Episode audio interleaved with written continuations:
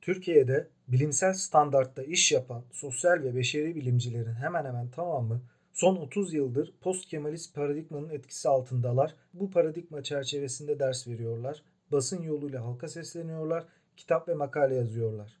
Bu durumdan keza uzmanlık alanı modern Türkiye olan yabancı bilim insanlarını da hariç tutamayız. Modern Türk tarihi ve toplumu üzerine tarihçilerin, sosyologların, siyaset bilimcilerin, antropologların, kültür, müzik, folklor araştırmacılarının yaptığı en önemli bilimsel çalışmalar artık büyük ölçüde post-Kemalist paradigma içinde şekilleniyor. Bu makalede Türk milliyetçiliği çalışmalarının da son 30 yılına damgasını vuran post-Kemalist paradigmayı ele alacağım. Temel iddiam odur ki bu paradigmada artık yolun sonuna geldik.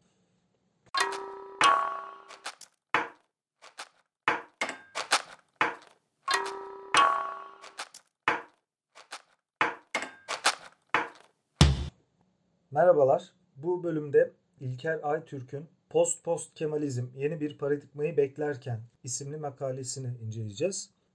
Öncelikle makale hakkında genel bir bilgi verecek olursam son zamanlarda okuduğum en derleyip toparlayıcı, en aydınlatıcı metinlerden biri.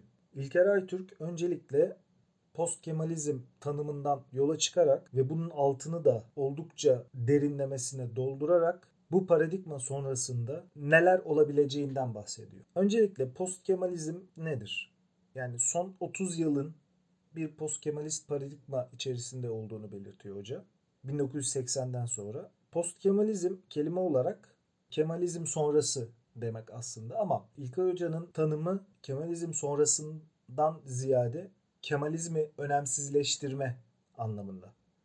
Yani post Kemalizm dediğimiz zaman Kemalizmi önemsizleştirme dönemi diye özetleyebiliriz. 1980'de ortaya çıktığından bugüne kadar ki haliyle arasında baya bir fark var. Yani ilk başta ortaya çıktığıyla şimdiki arasında oldukça önemli farklılıklar barındırıyor. Peki post Kemalizm nasıl çalışıyor?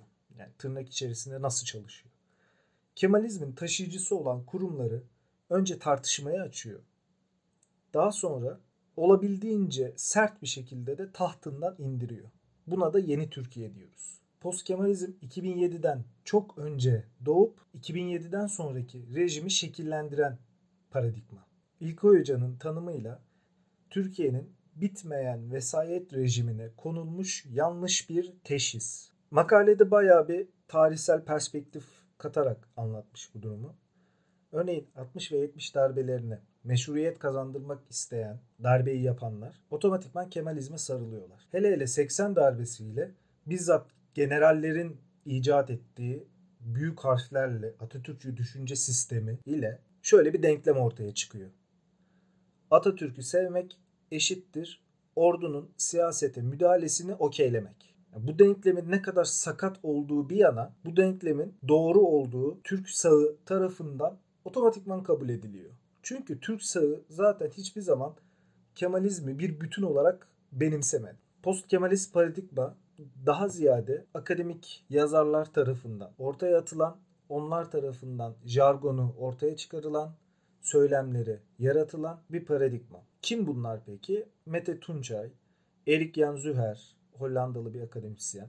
Şerif Mardin, Nilüfer Göle gibi en bilindik isimleri bunlar. Bu isimlerin ortak noktası aslında şu. Bir ölçüde aslında başarılı bir milli kalkınma modeli olan Kemalizmi vesayetçi, Jacoben, tepeden inmeci diye nitelendirerek önemsizleştiren, eleştiren ve bizzat buna karşı bir savaş açan bir paradigma. Örneğin Şerif Mardin, Said Nursi'yi yobaz değil de Müslüman bir düşünür olarak niteliyor. Veya Nilüfer Göle kadın erkek eşitliğini ki kadın erkek eşitliği Kemalizmin en güvendiği hani hiçbir şey yapmadıysak bunu yaptık dediği şeylerden biridir. Nilüfer Göle kadın erkek eşitliğinin aslında kadını özgürleştirmediği işte batılı kıyafetler falan hani bunlar kadını özgürleştirmiyor. Kadın özgürleşmek için Kemalizmden kurtulmalı. Geldiği son nokta bu yani. Peki bu post Kemalistler kimler? Yani hangi gruplar, hangi kesimler? Birincisi ve ana sütun İslamcı muhafazakarlar.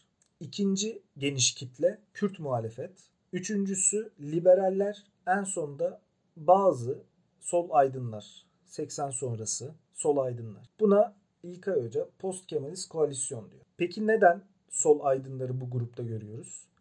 Çünkü 60'larda 70'lerde sol sokakta milliyetçilerle kavga ediyordu. Yani dolayısıyla onlarla herhangi bir platformda bir araya gelmesi zaten mümkün değil. Ama İslamcılarla böyle bir kavgası yok.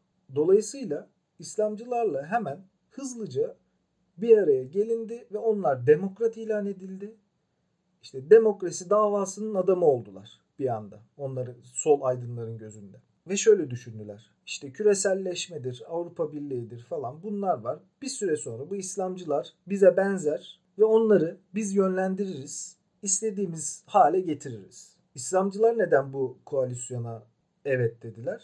İslamcılar için Batı'yı Batı içinde eleştirebilme imkanı ortaya çıktı. Yani aslında postmodernizm bu. Postmodernizmin Türkiye'deki karşılığı. Postmodernizm de moderniteyi bireyi ezen büyük projeler demeti. Yani işte büyük oyunlar, büyük projeler demeti. Moderniteyi böyle tanımlar postmodernizm. Bunun karşılığı da aslında bizde İslamcıların duruşu. Kürtler neden bu koalisyonda vardı? Birinci ve ikinci Körfez Savaşı'ndan sonra mahvolmuş bir coğrafyanın insanları olarak self determinasyon hakkını kullanmak istediler. Ve bu self determinasyon hakkı Türkiye'de onları Kemalizmin karşısında konumlandırdı otomatikman. Onlar da bu yüzden buradaydılar. Sadece Türkiye içerisinde değil, yurt dışında da uluslararası alanda da Kemalizm önceden sahip olduğu o prestijini bu dönemde kaybetti. Özellikle Edward Said'in oryantalizm çalışmasından yola çıkarak yapılan çalışmaların hepsinde Kemalizm o çok önemli özgürlükçü, bağımsızlıkçı bir ideoloji olmaktan çıkıp batıya özenen yani batıya özenen bir ideolojiye indirgendi uluslararası alanda da. İlkay Hoca makalesinde 2002 yılını milat olarak kabul eder. Post Kemalistler için. Çünkü artık ondan muhalefet değildir. iktidar olmuşlardır. Ve devletin bütün organları onların elindedir. Hele hele Kemalizmin, Kemalizm ideolojisinin taşıyıcısı olan, kurumsal taşıyıcısı olan Dil Tarihi Yüksek Kurumu, Türk Tarih Kurumu bile artık bunların elindedir. Bu sayede Kemalizmin önemsemediği veya gündemi olmayan hatta yeri geldiğinde ötekileştirdiği her şey post Kemalizmin konusu oldu. Küresel gündem de aslında buna ortam sağladı. Cezayir'de, Libya'da, Tunus'ta, Suriye'de, Irak'ta, Irak'ta da buna alabiliriz. Ya bir Arap Baharı ortaya çıktı. Bu Arap Baharı'yla şu söylendi. Bu ülkelerde sistemler, dinozor diktatörlükler. Bunların yıkılması lazım. Ne olacak peki? Mısır'daki Müslüman kardeşler önderliğinde bütün bu diktatörlükler yıkılacak. Sonrasında nasıl ki Sovyetlerden sonra Doğu Avrupa'da muhteşem demokrasiler kuruldu tırnak içerisinde. Aynı öyle olacak burada da. Öyle oldu mu? Tabii ki hayır. İlkay Hoca makalesinin bir yerinde post Kemalizmle post Siyonizmi karşılaştırıyor. İsrail'deki Siyonizmin karşıtlığı olan post Siyonizmi post Kemalizmle karşılaştırıyor. Muhteşem benzerlikler var. Ben hiç bilmiyordum açıkçası bunu okumadan önce. Paralel gidiyor buradaki gündemle oradaki gündem. Türkiye bir 10 yıl falan geriden geliyor ama paralel gidiyor yani. Her şey bütün en küçük detayına kadar neredeyse bütün etkiler, tepkiler aynı. Fakat İsrail'de post-Siyonizmden sonra bir neo-Siyonizm iktidara geliyor. Türkiye'de ise neo-Kemalizmin iktidara gelme olasılığını ilk Hoca çok düşük görüyor. Bunun da sebeplerini en sonunda söylüyor. Kısaca şöyle bir şey çıkıyor ortaya. Sanki Osmanlı mutlu mesut yaşıyordu. Hiçbir sıkıntısı yoktu. Kemalist elit Mars'tan ışınlandı geldi. Ülkenin demokratikleşmesinin önüne set çekti. Sanki 1908'den önce Atina demokrasisi vardı burada. Sanki Türkçe konuşan halkların hiçbiri tarih boyunca kılıç zoruyla iktidara gelmedi. Yani Osmanlı, Selçuklu, Karahanlı, Hunlar, işte Göktürkler bunların sanki hiçbiri Kemalizm kadar elitist değildi. Bunlar hanedan değildi. Yani Osmanlı hanedan elitlerini hoş görüp Kemalizmin memur elitlerini yeren bir paradigma aslında. Bu Kemalist elit kavramı kadar da zaten saçma bir şey yok. Kemalist elit Müslüman çocukları ezdi. Kim bu Kemalist elit? Bu şey gibi aynı. Camiye ayakkabılarıyla girdiler. Kim girdi? Yok öyle bir şey. Deri kıyafetli adamlar üzerime işedi. Kim? Yok öyle bir şey. Kemalist elit Müslüman çocukları ezdi. Yani en özeti post Kemalizmin bu. Kim peki bu Kemalist elit diye sorduğunuzda cevap yok. Yani birey olarak kim yani? Çok zorladığında şöyle bir cevap geliyor. Erken Cumhuriyet döneminde partinin ileri gelenleri işte hükümetteki bakanlar şunlar bunlar. E, hükümetteki bakanlara bakalım. Mesela Hasan Ali Yücel mi Kemalist elit köy enstitülerini kuran? Tamam hadi o olsun. Peki Şükrü Saraçoğlu Hasan Ali Yücel Milli Eğitim Bakanı ise Şükrü Saraçoğlu da Maliye Bakanı'ydı. O da mı Kemalist elit? E tamam o da olsun. Bu ikisinin ortak noktası Kemalist elit olmak mı? Biri komünist, biri Türkçü.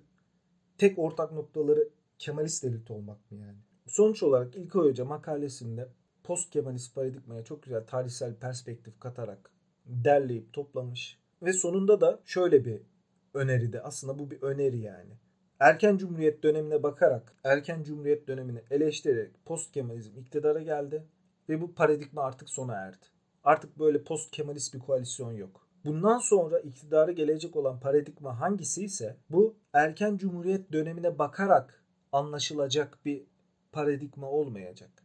Soğuk Savaş dönemine bakılarak, Soğuk Savaş döneminin dinamiklerini ele alarak yeni bir paradigma ortaya çıkacak. Çünkü 2002'den sonra post Kemalizmin iktidara gelmesi tesadüf değil. Soğuk Savaş döneminde Kemalist devlet ile Türk sağının ittifak ettikleri ortak düşman komünizmdi. Komünizme, işte gayrimüslim azınlıklara, Kürtlere karşı şekillenen bir yapı. Bu yapı sayesindedir ki Türk milliyetçiliği kentli aydın ideolojisi olmaktan çıktı. O güne kadar giremediği taşraya tesettüre bürünerek ulaştı ve gönüllülere yerleşti ve artık taşranın normali haline geldi. Bugün Anadolu'daki nüfusu 10 binin altında olan hangi kasabaya giderseniz gidin milliyetçi muhafazakar olmayan yoktur. Çünkü taşranın normali milliyetçi ve muhafazakar olmaktır.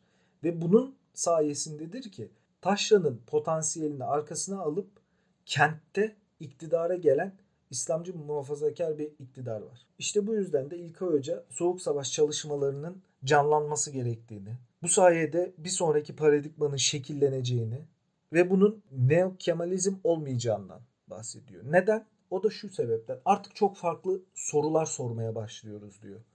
Artık bundan sonra uğraşacağımız sorunlar çok daha fazla ve erken cumhuriyet dönemine bakarak, erken cumhuriyet dönemini analiz ederek uzun süre devam edecek bir paradigma yaratamayız. Dolayısıyla Müslüman Anadolu çocuklarını beyaz Türklere karşı baş kaldırı tarihi olarak okuyan bugünü bu şekilde okuyan İslamcı muhafazakar kitleyi, bu geniş kitleyi anlamanın yolunun Soğuk Savaş dönemi dinamiklerini anlamaktan geçtiğini. Bu kitle çünkü yok olmayacak, ortadan kalkmayacak. Ve bunları anlamadan da yeni bir paradigma ortaya çıkmayacak. Demokrat Parti'yi, Adalet Partisi'ni, işte Cumhuriyetçi Köylü Millet Partisi'ni, Milliyetçi Hareket Partisi'ni, Milli Nizam Partisi'ni, Milli Selamet Partisi'ni bunları anlamadan, bunları çalışmadan bir sonraki dönemin ortaya çıkmayacağını söylüyor İlkay Hoca.